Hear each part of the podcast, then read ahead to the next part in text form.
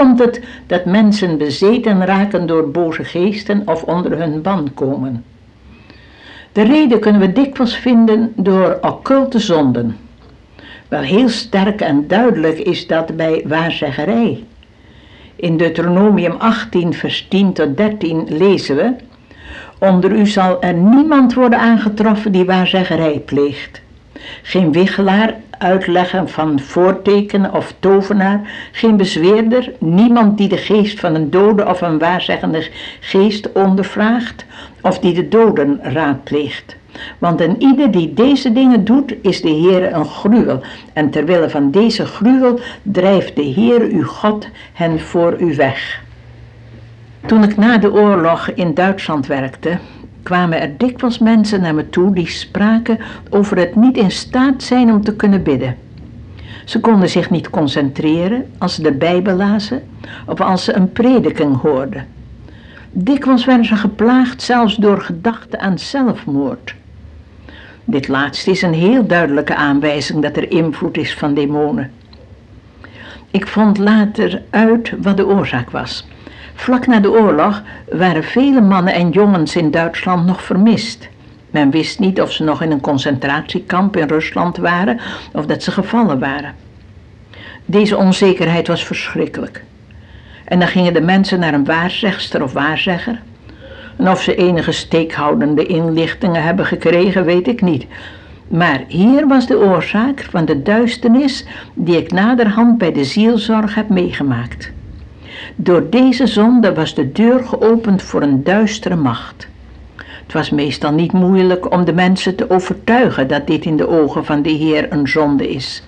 De Bijbel in Deuteronomium spreekt hier heel duidelijk dat het een gruwel is in Gods ogen, omdat hieruit bleek dat iemand in plaats van te vertrouwen op Gods macht hulp bij de vijand was gaan zoeken. Daarna was het heerlijk om duidelijk te maken hoe ze bevrijd konden worden. 1 Johannes 1, vers 7 en 9 geeft het antwoord. Als ze wisten dat ze gezondigd hadden, konden zij deze zonde bij de Heer brengen, beleiden, om vergeving vragen en dan werd deze belofte een werkelijkheid. De Heer vergaf hen, reinigde hen met zijn bloed en een door Jezus bloed gereinigd hart wil hij vervullen met zijn heilige geest.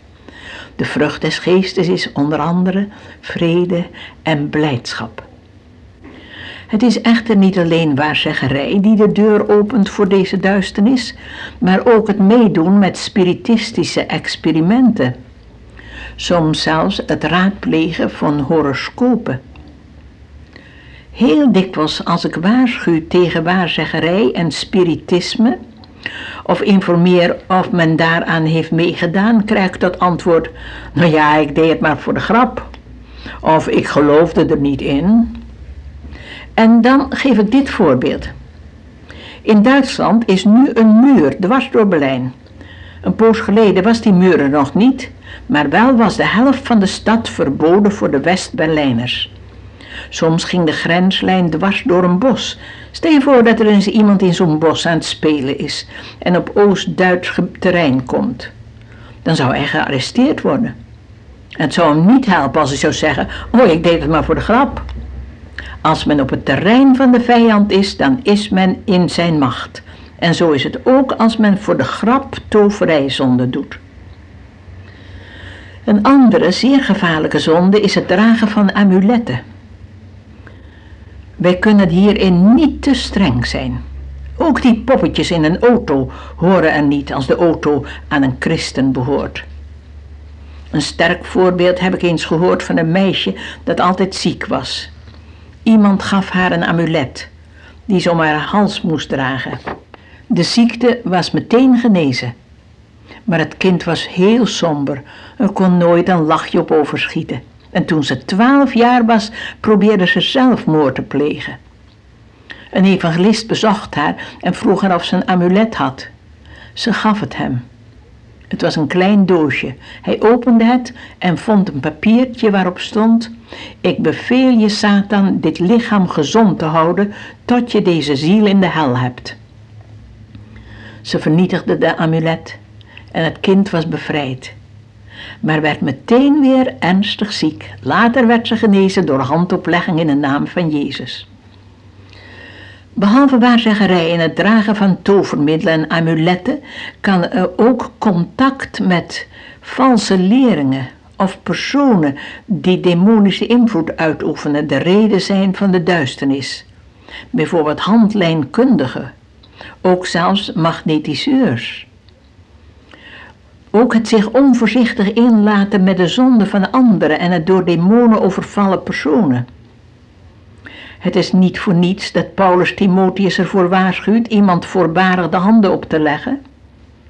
Ook hypnotisme behoort tot de gevaren. Heel duidelijk wijst de Bijbel ook als zonde aan om met de doden in aanraking te komen. Maar ook het lezen van verkeerde boeken kan ons in grote duisternis brengen.